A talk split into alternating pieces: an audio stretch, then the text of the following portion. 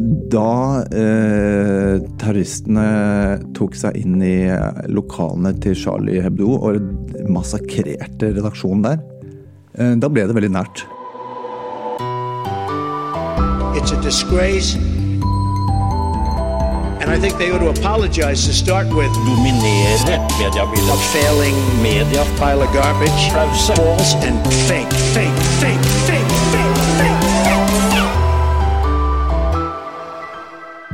Hei og velkommen til en ny episode av Pressepodden. Mitt navn er Kristine Sterud, og i dag har vi besøk av en medieprofil som snart kanskje ikke kan kalles en medieprofil eh, lenger. Velkommen til Pressepodden, tidligere politisk redaktør i Dagbladet, Geir Ramnefjell. Tusen takk. Vi skal høre litt mer om hvorfor du forlater Dagbladet på dagen, og hvorfor du er så opptatt av klima. Men aller først skal vi ha en kort eh, reklamepause. Stiftelsen Fritt Ord inviterer journalister til å søke prosjektstøtte i 2023. Fritt Ord tildeler 25 millioner kroner til journalistikkprosjekter hvert år. Og neste søknadsfrist er 10. mars. Du kan søke støtte både som redaksjon, ansatt journalist eller som frilanser. Les mer på frittord.no. Vil du få med deg de viktigste PR-trendene for 2023? Gå til Medier24 for å laste ned rapporten til My Newsdesk. Geir Ramnefjell, for bare noen få dager siden så var du politisk redaktør i Dagbladet. Men nå slutter du, etter 18 år i samme avis. Hvorfor gjør du det? Eh, Det gjør jeg fordi ja, Som du sier, så har jeg jobba 18 år i samme avis. Eh, Det er ganske lenge å være på ett sted.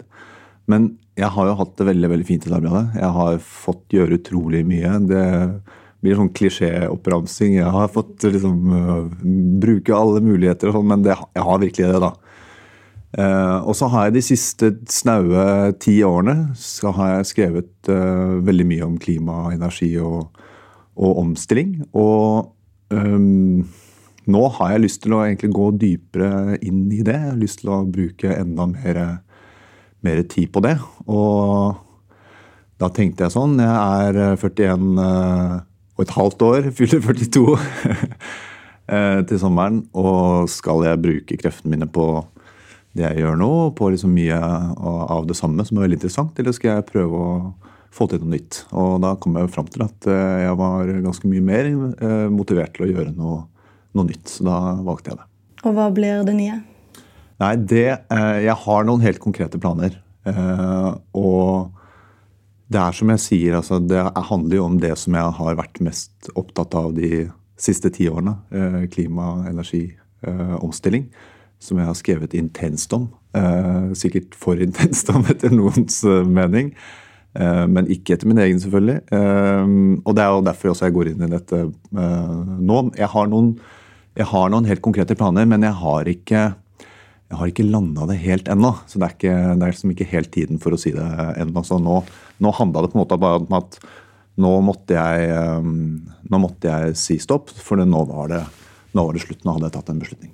Ja, for nå vil du gjøre noe nytt. Altså, du litt, du må, må kunne si at du er litt kryptisk. Du har en plan, men du kan ikke si det. Altså, er det fortsatt i mediebransjen, eller hvor er det du vil jobbe med den tematikken? Jeg skal ut av mediebransjen. Det skal jeg. Eh, Jeg har lyst til å, å jobbe videre med dette fra en litt annen vinkel. Jeg har lyst til å jobbe litt mer langsiktig, litt mer strategisk. Eh, Og jeg tror det er lurt med et lite skifte på perspektiv. Men jeg skal gjøre det innenfor et område, innenfor et tema som jeg er veldig interessert i og, og syns er utrolig spennende. eh, som er utrolig viktig, etter min mening. Um, så det høres jo liksom mer kryptisk og egentlig så er det jo veldig opp i dagen da, hva, hva som kommer til å skje, men man kan bare ikke si akkurat hva det er. Og det handler jo om at eh, jeg har eh, Jeg har eh, kommet, til, eh, kommet til et punkt, eller jeg kom til et punkt hvor, hvor jeg hadde begynt å tenke så mye på andre ting. Eh, Og begynt å diskutere litt andre ting også. eh, Sånn at det ville være veldig rotete å bli sittende i Dagbladet og være sånn mene liksom på halvdistanse eller mene med forbehold eller lede andre med liksom, At man begynte å lure på om man tok eh, hensyn da, i det man både skrev sjøl og det man mente andre burde prioritere å skrive. Uh, og det er jo ikke bra. Uh, og da fant jeg ut at eh, da slutter jeg nå, og så vet jeg at det kommer til å bli noe bra om ikke så lenge. Ja, for du slutta jo på dagen. Og det høres jo litt sånn dramatisk ut når Ja, men Det er den beste måten å slutte på. Det er liksom, det er sånn, du skal, liksom, du skal ha en liten pappeske, og så skal du liksom ta alle tingene dine så skal du putte de oppi den, og så skal du gå ut samme dagen. Jeg synes det er egentlig, Hvis man har muligheten til det, eh, og det ga Dagbladet meg muligheten til, så syns jeg i hvert fall i den, en sånn type rolle som jeg har, så er det den ideelle måten å slutte på. Og for meg så Rive av plasteret. Rive av plasteret. Altså, nå, nå er det ferdig. Eh, nå er det andre som skal overta. Eh, ting blir med en gang stående i limbo, og det å liksom bli stående sammen med andre i den limboen etterpå, det er bare tull. Da involveres man i ting som man ikke har noe med å gjøre i det hele tatt. Det er ikke mye engasjement for. Nei, altså Alt er egentlig feil med å bli stående i en sånn uh, lame duck-posisjon, da. Uh, og det er jo en grunn til at uh, til at eh, alle som har det, altså det å være politisk redaktør er jo litt sammenlignbart med tillitsverv. Eh, Du driver og målbærer meninger på vegne av eh, et helt eh, avishus. Målbærer en, en tradisjon som du har på en måte fått litt sånn i eh, ansvar for å, for å forvalte. Eh, og når du ikke lenger bare tenker på jobben med, med, med avisas eh, tanker. Eh, fri for alle, andre, for alle andre ting som kan smitte deg. Så, så må du, bør du egentlig bare vekk så fort som mulig. Hvordan var det da å pakke den eh, pappeska og levere kortet og gå? Nei, det var Det var, eh, det var, ja, det var veldig bra. Rett og slett. Det er liksom, høres litt sånn kynisk og fælt ut å si det på den måten, men det, jeg, er, jeg er vel sånn skrudd sammen at når jeg har bestemt meg for en ting, så eh, har jeg tenkt på det lenge i forveien og, og gjort en veloverveid eh, avgjørelse som jeg vet er, er god.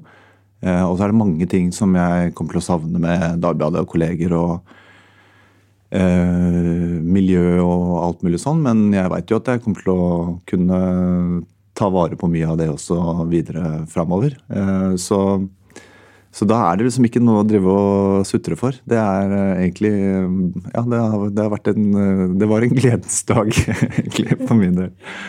Men, men når var det du bestemte deg for at du ville gjøre noe helt nytt?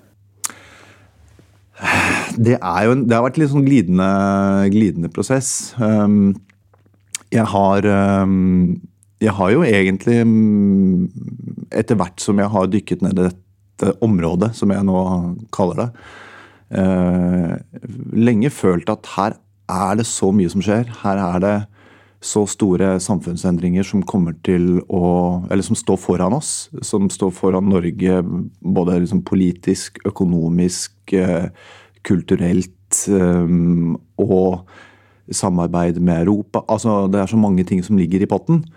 eh, At eh, etter hvert som jeg følte jeg hadde en opparbeida meg ganske brede kunnskaper rundt det og, og hadde mye å bidra med der, eh, så har jeg vel egentlig tenkt at på et eller annet tidspunkt så har jeg lyst til å eh, jobbe med bare det eh, på en eller annen måte. Og det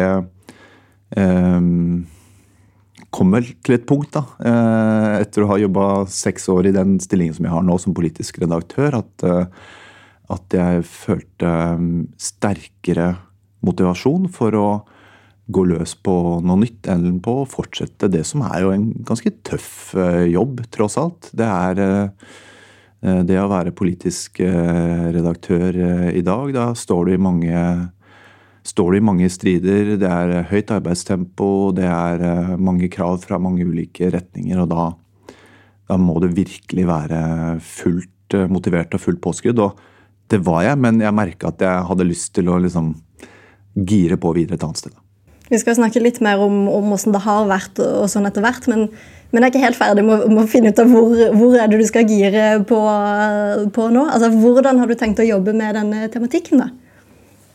Nei, altså det, jeg, jeg, føler at det er vanskelig å si så veldig mye mer uten å, å si akkurat hvordan. Og det er jo som, som jeg har sagt ikke helt sånn landa ennå, så det blir rotete å, å, si det. Men det handler jo um, det handler jo om det samme uh, bakgrunnen som jeg ble veldig interessert i dette temaet i utgangspunktet.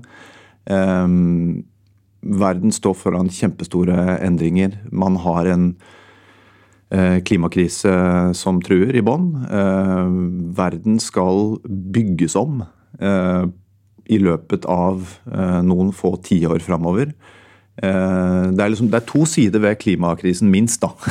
Men Den ene handler om at man må kutte utslipp raskt, og at man skal fjerne. Den andre siden handler om at vi skal gjøre det samtidig som vi får samfunnet til å fungere videre. Alt, altså vi, skal fortsette å bygge ting, vi skal fortsette å liksom kunne sitte og spille inn podkaststudio som den vanligste ting i, verden. Eh, folk skal gå rundt i handlegatene og leve sine vanlige liv. Folk skal ikke klage over at strømprisen øker for mye. Folk mat, altså, det er utrolig mange ting som skal bygges om. Eh, det er selve liksom, motoren, det er selve grunnstrukturene i samfunnet som skal endres på. Og det skal skje veldig fort. Det skal være veldig mye penger som brukes. Det er veldig mange store politiske beslutninger som gjøres. Og det å, liksom, å faktisk gå inn i det og være med på det, det tror jeg blir noe av det mest spennende man kan gjøre uh, for en som da skal jobbe fram til sånn Jeg vet ikke, jeg har ikke telt, liksom, men som skal bruke den neste delen av arbeidslivet sitt, kan egentlig uh, være fullt opptatt med det og ha det veldig, veldig spennende med det. Og veldig meningsfullt. Hva blir da drømmejobben for å få lov å jobbe med akkurat det du nevnte nå? Uh, nei, det er å stå uh, midt i det uh, I det skiftet. og være med på å fikse sånn at det her faktisk går bra. Og det Hvordan gjør man det? Skal du lenke deg fast i oljedepartementet? Jeg skal ikke lenke meg fast. Jeg er ikke Jeg er en jeg skal eh, Jeg skal jobbe med konstruktive løsninger for hvordan man skal fikse, fikse dette. Det høres utrolig kjedelig ut, jeg vet det. Det er forferdelig. Høres ut som du skal jobbe i en sånn tenketank. Eh, nei, jeg skal ikke jobbe i tenketank.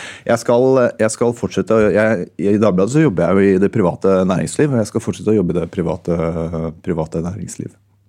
Du får si ifra når vi kan uh, få vite litt mer om det. Jeg tror det er mange som sitter, sitter i spenning. Men uh, altså, de som hører på, har jo skjønt uh, allerede at klima og miljø er noe som engasjerer deg. Men hvorfor, eller hvor var det som gjorde at akkurat det var noe du har lyst til å sette på agendaen og har lyst til å jobbe med? Nei, det er jo Alle som følger med i utviklingen av politikken og samfunnet vårt, Eh, har nå eh, lagt merke til at det er noe eh, helt grunnleggende som skjer rundt oss, som det ikke går an å se forbi eller ikke ta hensyn til. Og det har begynt med forskningen.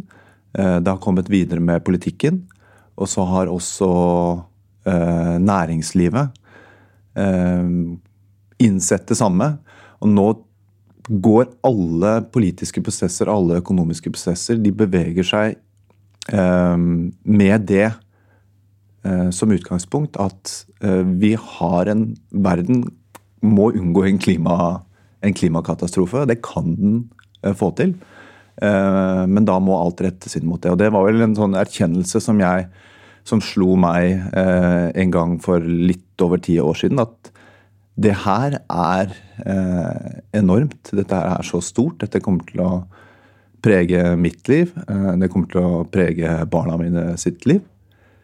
Eh, og som, som, journalist og kommentator da, så så jeg ikke noe annet alternativ enn å bare finne ut av så mye som mulig, sette meg inn i alle rapporter, alle sider ved dette, skrive om det, analysere det så mye som mulig. fordi Først og fremst fordi det var utrolig eh, interessant, men også veldig viktig. Og eh, en helt sentral del av samfunnsoppdraget. Altså det å eh, være med på å legge til rette for gode, informerte diskusjoner eh, som driver samfunnsutviklinga videre på dette feltet, er det viktigste som skjer, i, eh, mener jeg, da, i, eh, i, eh, i norsk presse. og, i, og i internasjonal politikk og økonomi også. Og så er det selvfølgelig en kompleks verden vi lever i, og Ukraina-krigen og sånn har jo lagt flere dimensjoner på dette. Men kjernen i dette eh, handler jo om at mm, handler jo om at uh, man har en ny eksistensiell trussel. Um, også, hvordan, skal man, hvordan skal man definere eksistensiell? Men det handler jo om uh, kvaliteten på de samfunnene vi har i dag. De vil ikke uh, nødvendigvis vare hvis vi ikke eh, planlegger ganske godt for å, for å løse det. Da. Og det er det jeg Ikke gjør noen grep. hvis vi ikke gjør noen grep. eh, Og, og det, er det, det er det jeg har sett, og det er, det, det er vanskelig å liksom Når du har sett det, så er det vanskelig å liksom ikke, ikke se det. da. Sånn, sånn er i hvert fall jeg skrudd sammen. Vi prata før vi skrudde mikrofonen om at vi skulle prate litt om eh, politisk journalistikk og liksom utviklinga her. Jeg tenker vi kanskje kan, kan hoppe til den biten nå, egentlig. Altså, Hvordan tenker du den politiske journalistikken har utvikla seg, eller eventuelt tatt hensyn til eh, de store dilemmaene som du prater om nå? Nei, altså Politisk journalistikk har alltid vært dominerende, og det har alltid vært øh, viktig. Det har alltid vært i hvert fall sånn Det er jo litt sånn hvem som leser avisa. Og da, og jeg- Politisk journalistikk er viktig, sa tidligere politisk redaktør. ja. Nei, så øh, jeg har vokst opp med å, med å lese journalistikk med, med, med politikk som det som har vært det aller viktigste. Men, men det har jo vært, øh, det har jo vært øh, liksom Mediedrevet har jo handlet ofte om sant, at øh, statsråder må gå. Eh, regjeringsprosjektet er i fare. Altså, det, og der har jo den politiske journalistik, journalistikken lenge vært veldig dominerende. Og etter da nyorienteringen med som Dagbladet sto i front for på, på 70-tallet, hvor man da eh, ble uavhengig av de politiske partiene, og man hadde en egen eh, profesjonsetikk, nærmest, som var da en uavhengighet og en maktkritisk og en mer distansert forhold til, til politikken, så har, vært, så har den politiske journalistikken vært veldig dominerende. Og det er den fortsatt, men den er det kanskje på en annen måte. Og jeg mener at både, både eh, klimaspørsmålet, men altså omstilling i stort, da. Eh, Det handler jo ikke bare om som sagt, å få ned utslippene, men også bygge noe annet. Eh, sammen med krigen i Ukraina, med en følelse av at liberale verdier som man har tatt for gitt, er under angrep på en annen måte. Man kan ikke på en måte bare si på den ene siden og på den andre siden. Man forholder seg til et eh, eh, notorisk manipulativt og løgnaktig regime i eh, Moskva. Som forsøker å undergrave hva skal man si, samfunnsorden eh, systematisk. Det har vi sett i, i over et tiår. Så får den politiske journalistikken en annen rolle. Det kreves mer av den politiske journalistikken. Du kan ikke bare liksom eh, hente en sak fra Seymour Hersh i Substack eh, som skriver at Nord Stream eh, kanskje er sabotert av eh, amerikanske forsvaret og det norske forsvaret. Liksom. Altså, det er som da var basert på én anonym kilde fra en fyr som allerede er ganske diskreditert i sitt arbeid. Det handler om Det er et nytt alvor i, eh, i samfunnet vårt, og det gjenspeiler også i den politiske journalistikken. Det, du må skjerpe greiene litt, da. Men er vi skjerpa nok i dag? Jeg syns faktisk at det er eh, jeg- Jeg er egentlig litt imponert over, eh, over nivået på på den politiske journalistikken i dag. Jeg syns det er veldig mye god politisk journalistikk. Jeg syns det er helt klart en Det er en ganske sterk konkurranse i det norske mediemarkedet. Vi tenker liksom på at ja, det er de samme, og man har liksom hatt nedturer og det har vært nedskjæring og sånn, men det er veldig mange store politiske redaksjoner eller relativt store politiske redaksjoner i eh, Norge. Man kunne kanskje hatt liksom, Hadde vi vært flere, hadde vi vært liksom et, et marked med eh, 20 millioner eh, lesere, eller hva det skal være, så kunne man hatt flere spesialister på ulike felt. og sånn, Men det er en ganske sterk konkurranse mellom de ulike mediehusene på politisk journalistikk.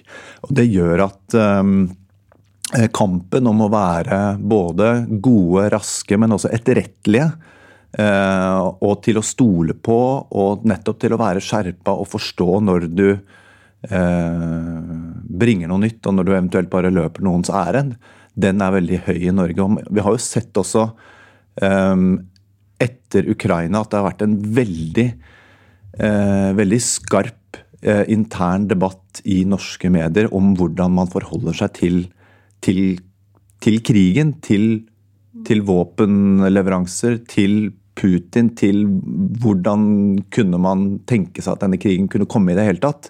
Og det var særlig eh, Klassekampen fikk jo kjørt seg ganske kraftig i begynnelsen, eh, rett etter 24.2. Eh, det var noe som jeg også var veldig opptatt av. og jeg føler at det er en veldig sterk... Akkurat, hva, man, hva, med Klassekampen var du var opptatt av? Det, det var handlet om uh, at uh, at i forkant av krigsutbruddet 24.2 Eh, så var det ganske mange eh, stemmer i norsk offentlighet som eh, hadde bidratt til å legge en betydelig del av ansvaret for opptrappingen, eller det som var i ferd med å skje i, i Ukraina, på, eh, på, vestlige myndigheter, på Nato, på utvidelsen eh, østover. At man hadde tråkket over røde linjer.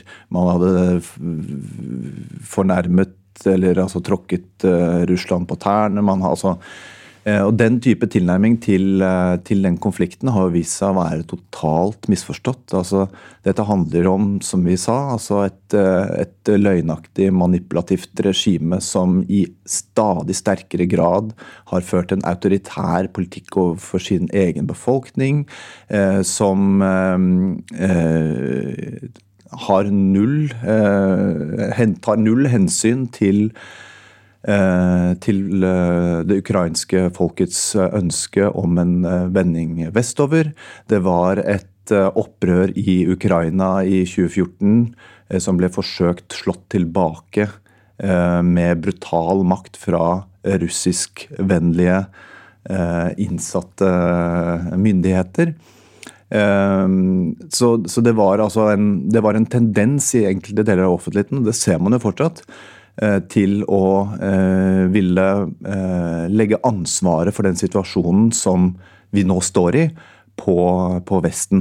Og det er en helt forskrudd analyse av hvordan situasjonen er i, i Ukraina. Det er altså et eh, land som er blitt brutalt overfalt av et autoritært Eh, jeg vil helt si høyreorientert fascistisk regime i, eh, i Moskva. Og ja, det er jo harde ord, det. Det er harde ord, men det er sannheten. Og det er, eh, og det er et, et oppgjør som, som, var veldig tydelig at mange i norsk presse var ivrige på å ta og stå opp imot. Og som jeg tror er godt at man har gjort, for dette er ikke over. Det er, krigen er da, det er ett år i dag, eh, og dessverre kommer det til å vare lenger. og eh, Det er ikke bare våpenforsyninger og støtte eh, materielt sett som, som vil være viktig å holde ved like og pleie i tida som kommer. Det er vel så viktig å, å vedlikeholde og pleie den politiske analysen og forståelsen av hva som er um, beveggrunnene i denne konflikten. Men nå, som du sier, når denne podkasten går ut, så er det akkurat et år siden den store invasjonen som var, som var i fjor. Altså, Hvordan skal norske journalister dekke dette videre, mener du? Ja, Det er jo et stort spørsmål. Um, men det viktigste tror jeg er å uh, fortsatt ha um, ta utgangspunkt i eh, hva, hvilke typer eh, Hvilke parter er det i denne konflikten? Du har et styre i Russland med Putin som Hvis alle som leser en halv bok om Putin, vil vil forstå hva slags type leder han er. Eh, som eh, sakte, men sikkert, eh, en KGB-agent, sakte, men sikkert har skrudd tommeskruen hardere til i det russiske samfunnet. Jeg skulle til å si Det spørs hvilken bok du leser, men ja. Ja, ja nettopp. Velg en god bok. Kan du lese f.eks. Åge Borchgrevik sin bok om, om Putin?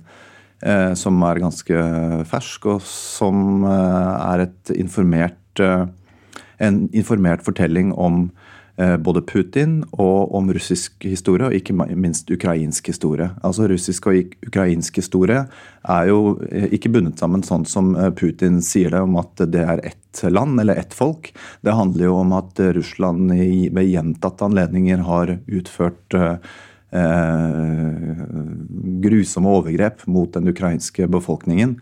Eh, så dette her er en, det er, et, det er en historisk linje i dette. Eh, og som journalister som lever av å kunne operere fritt i et liberalt samfunn, Eh, en, en, rettsstat hvor du skal kunne si hva du vil og kritisere hvem du vil, så kjemper du altså eh, hva skal man si, for å bevare det i denne sammenhengen her. Det er det det handler om. Du, det handler om kampen for et, eh, et fritt samfunn til syvende og sist. Og så kan man selvfølgelig være kritisk til aktører, til Ehm, beslutninger på alle nivåer også, selvfølgelig, som gjøres i vestlige land og i demokratier som ikke nødvendigvis treffer eh, perfekte beslutninger. Men det grunnleggende eh, må man ikke slippe, og det er at eh, det er et autoritært land som har angrepet en fri nasjon i, midt i Europa, og hvor det dør hundrevis av mennesker hver dag på slagmarken. Og det, det må vi ha med oss når vi, når vi omtaler det og skriver om det, rett og slett. Ja, det må ligge i bakhodet. Vil du få med deg de viktigste PR-trendene for 2023? I MyNewsDesk sin rapport kan du lese om nettopp disse trendene, og i artikkelen diskuteres det viktige tips du kan ha med deg i arbeidshverdagen din. Les mer om trendene og last ned rapporten på medier24.no. Stiftelsen Fritt Ord inviterer journalister til å søke prosjektstøtte i 2023. Neste søknadsfrist er 10. mars. Les mer på frittord.no.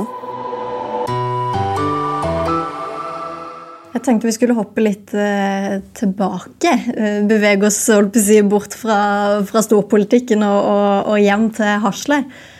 Um, fordi du har jo jobba 18 år i Dagbladet. Uh, og det er jo noen som kanskje vil si at Dagbladet er litt sånn der du vokste opp. For du har jo også en pappa som har jobba i Dagbladet.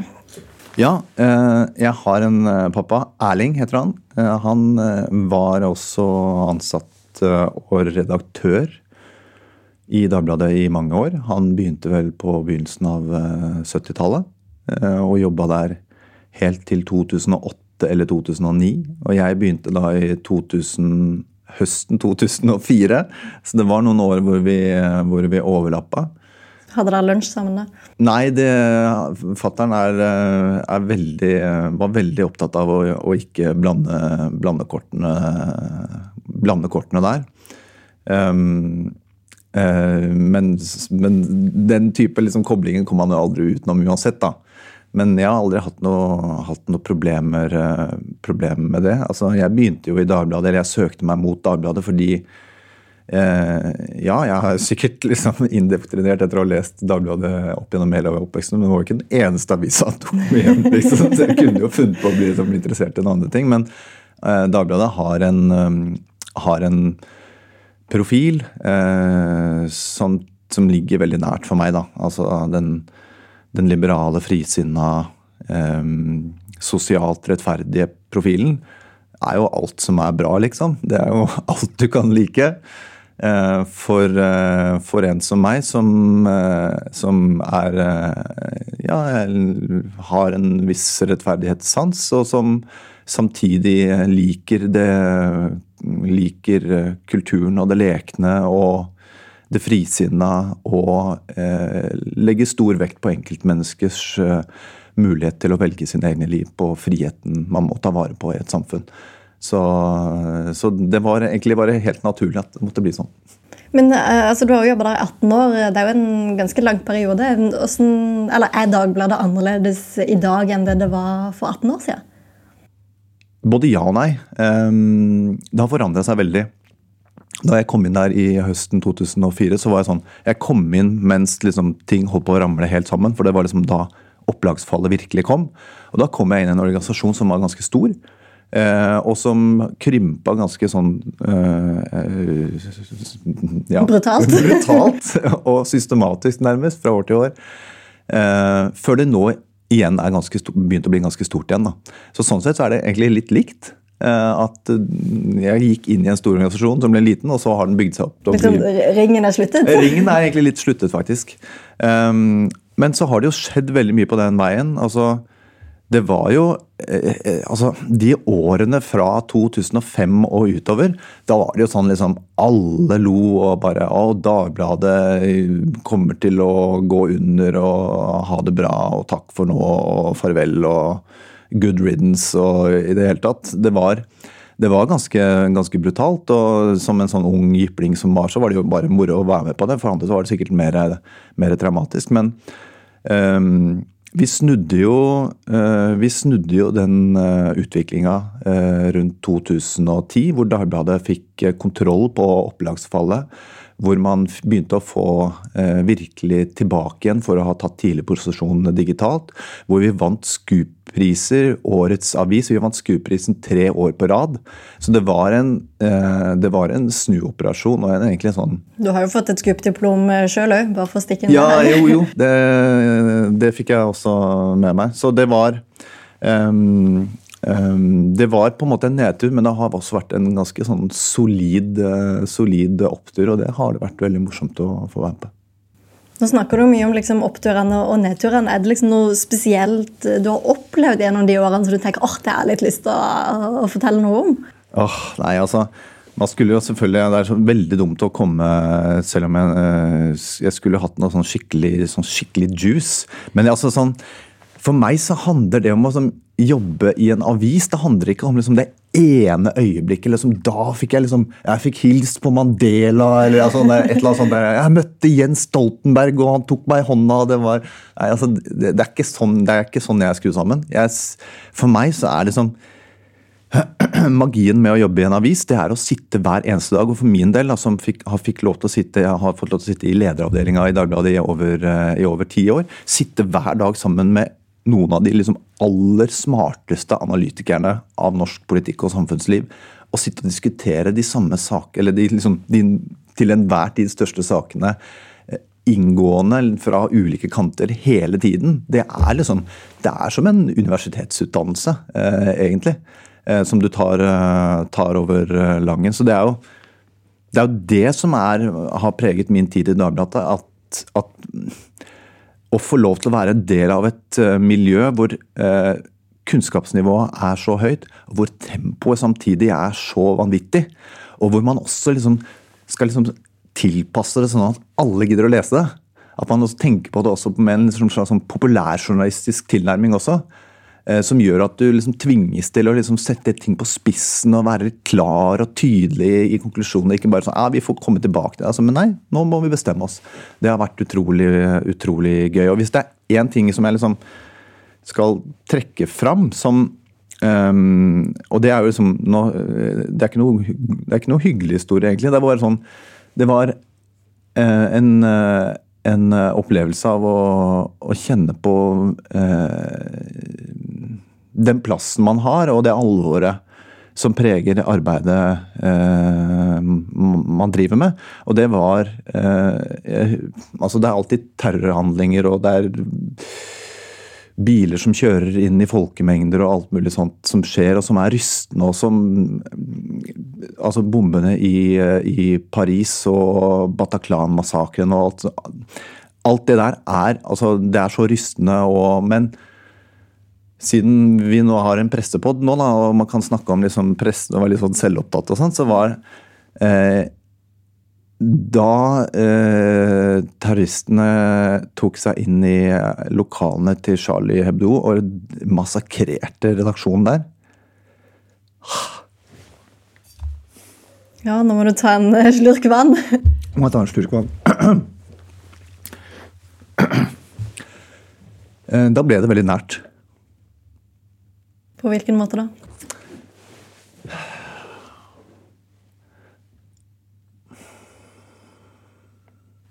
På den måten at, eh, at det man tar for gitt, at liksom eh, man sitter beskytta i, eh, i en medieboble. I en, eh, I en redaksjon som forholder seg til at vi kan vi kan skrive hva vi vil om alle, vi kan gjøre narr av alle. Vi kan sette på trykk karikaturtegninger av andre tegninger. Vi kan gjøre narr av alle. Eh, hvilken retning det skal være. Om det er islamske terrorister, eller om det er eh, høyreradikale opportunister og populister. Eh, og plutselig så så man at oi, det er ikke sikkert man kan. Uten å måtte risikere risikere angrep. Da. Og det høres jo kanskje litt sånn patetisk ut at man liksom blir litt sånn liksom skjelven og beveget av det, men for meg så var det en, en, eh, en erkjennelse av alvoret som man står i. Men det er jo, altså det ser man jo alle de store mediehusene, kanskje spesielt i Oslo. Bare det å komme inn i redaksjonen. altså Det er jo et annet sikkerhetsnivå da. I Dagbladet så må du liksom inn i en sluse og taste en kode. og altså... Altså, Det er så mange sluser. og det er så mange mm, Man må trykke koder både én gang og to ganger og inn i heisen og i det hele tatt. Men, men det er dessverre en sikkerhetsforanstaltning som var helt nødvendig å gjøre på det tidspunktet. Man kan kanskje si at det, er kanskje ikke nødvendig å ha det nå, men, men øh, og man kan sikkert liksom lure seg forbi det og neste, det neste angrepet aldri likte forrige osv. Men, men for, for, folk som jobber i, i, mediehusene, så det, tror jeg det var veldig viktig på det tidspunktet. Jeg husker det var veldig mange av kollegene som eh, følte sterkt ubehag eh, og følte seg utrygge. Eh, og det er jo noe man definitivt må ta på alvor. altså Folk skal jo ikke gå med liksom hjertet i halsen på jobben. Så kan det være berettiga eller uberettiga. Det er en massakre i en hovedstad to timers flyter unna oss. Betyr jo at i prinsippet så kan det, kunne det samme skje, skje her hos oss også. Og nå ble jeg litt sånn nesten skjelven av å prate om, om kjennere. Vi skal egentlig gjøre et lite sceneskift som føles litt sånn kårende ut å gjøre nå. Men jeg tror vi skal gjøre som du gjorde da du slutta i Dagbladet. Rive av plasteret ja, og, og, gå videre, rett og slett. Vi skal avslutte med en liten sånn spalte som vi ofte har i Pressebåten. Ja. Som rett og slett er en sånn kjappe spørsmål. Ja. Hvor jeg stiller et spørsmål, og så prøver du bare å svare så fort Livet må gå videre. Vi kan ikke sitte og snakke om uh, Charlie Hebdo og sånn. Vi må inn i spalta også. altså, Hvis ikke spalta lever, så er det liksom Hvor er journalistikken på vei hvis vi ikke beholder noen vi, tradisjoner? Vi kjemper for de liberale prinsippene om å ha spalte. Det er viktig. Ja. Det er, det er godt du tolker det på den måten. Det første spørsmålet er rett og slett får du, med, får du helst med deg nyheter på TV, radio, nett eller papir? Ja, det er alt. Herregud. Det er jo sånn det er å være Når du først har blitt en nyhetsjunkie, så må du jo bruke alt. Og for meg så handler det Skal jeg, skal jeg, skal jeg utdype, eller holder det å si det? Du kan, du kan utdype kort. jeg skal utdype kort. Nei, altså, på morgenen så må jeg ha papiravisene for å liksom Ok, hva er liksom sånn, er, kan, hvordan kan dette prege dagsordenen i dag? Er, hvor posisjonerer seg Og da ha et, liksom et bredt utbud. Du må liksom ha Klassekampen, du må ha Dagens Næringsliv, og så må du liksom innom Aftenposten. Og så, ja. Så, så, det begynner der, og så er det selvfølgelig før det så har jeg jo hørt på Politisk kvarter og på Nyhetsmorgen. Og så er det å følge med på eh, NTB. Liksom at man får liksom, Har man fått med seg alt som er? Og så er det å følge med på nettet utover dagen, lese alt som kommer der. Og så hører man eh, kanskje på en eh, Economist-podkast eller en New York Times-podkast. Og så er det Dagsnytt 18. Og så er det kanskje et par podkaster som du ikke har fått hørt på, som du kan høre på på kvelden når du henger opp noen klær eller tar ut av oppvaskmaskinen. Altså, det er, sånn, det er, jo, det er jo, en, det er jo et deilig liv å bare få med seg alt. Da, alt, alt henger med. Mediekonsument hele døgnet. Ja, ja. Men, men i journalistikken, eh, hva slags journalistikk er det som provoserer deg aller, aller mest? Det er Seymour Hersh. Og for de som ikke vet hva det er, det er Det er altså den artikkelen eh, om eh, Nord Stream 2. Eh, Som det var amerikanerne som- Ja, og med hjelp av det norske forsvaret med en anonym kilde som Altså sånn Altså Det er jo For det første, er, det er jo ikke journalistikk, eh, sånn som jeg ser det. Og det som det, det i seg selv provoserer meg, men det som provoserer meg enda mer, er folk som er sånn Ja, men vi må jo ta dette, vi må jo gå grundig inn i det, og vi må jo ta på alvor at nå mener Russland at liksom Jo, vi kan godt mene det, men utgangspunktet er fortsatt at det er en historie som er totalt eh, mangelfull, som ikke har Altså, man kan jo ikke ha som premiss at det norske forsvaret har sprengt en gassrørledning mellom Russland og Tyskland, på, basert på liksom, en fyrs eh, meritter fra Vietnamkrigen og en anonym kilde. Altså, da må du bare si at beklager. Vi får ta den diskusjonen hvis noen kommer fram med noe som faktisk er eh, grunnlag for en eh, diskusjon. Hvis ikke så kan man bare parkere det, og så kan man snakke om andre ting. Det må være grundig nok. Ja. Hva er de beste egenskapene en journalist kan ha? Det er å være uredd og styrt av egne vurderinger, og ikke vurderingene eh, opp imot hva eh, kildene ønsker. Eh, hva som kan være til gavn for deg for å få mer saker. Holde kildenettverk eller kildervennskap eller hva det skal være ved like. Eller hensyn til publikum. Det må du bare legge vekk. Hvis ikke så blir du en dårlig journalist. Stå i deg sjæl. ja. Hvem inspirerer deg mest i Medie-Norge? Nei, det er altså det syns jeg er veldig eh, vanskelig. Og det er liksom, kan fort bli litt sånn urettferdig etter å ha jobba med veldig mange flinke folk i mange år. Men jeg har bestemt meg for å trekke fram to stykker.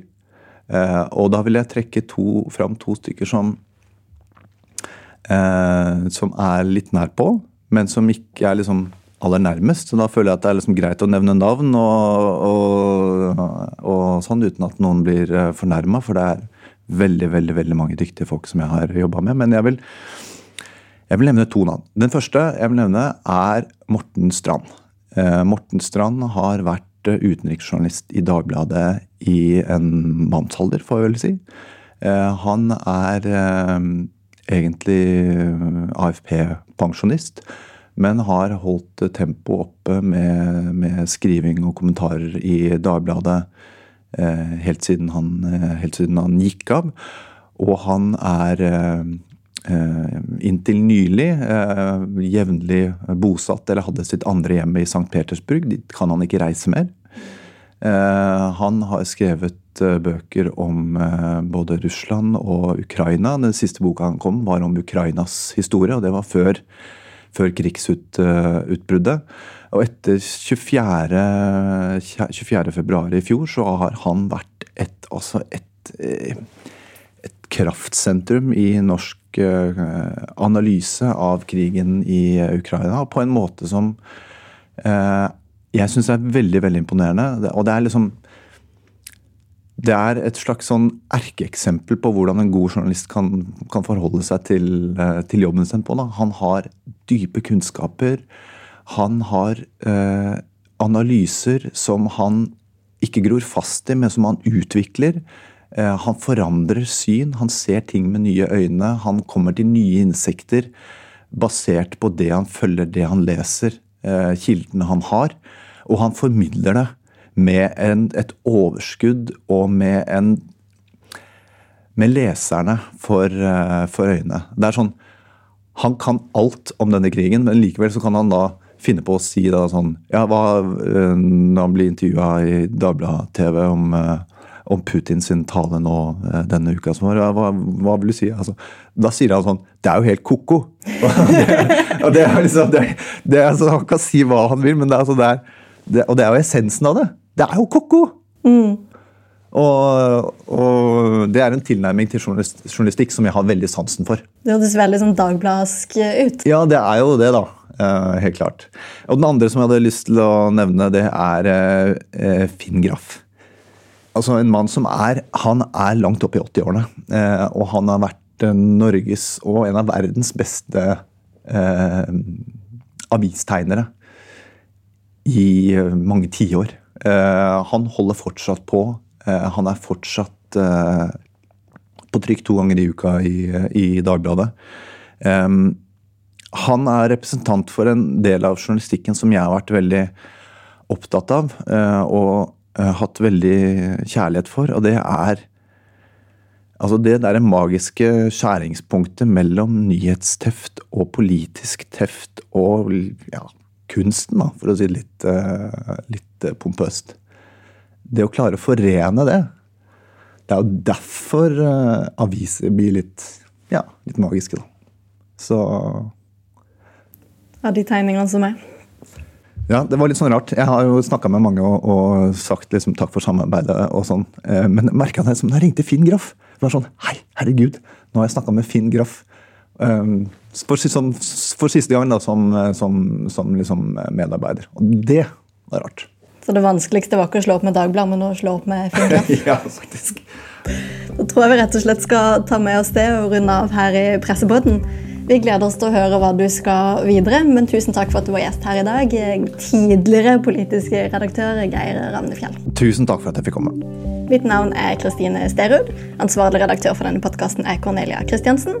Teknisk ansvarlig er Sebastian Madrikis, og vi høres igjen om en uke.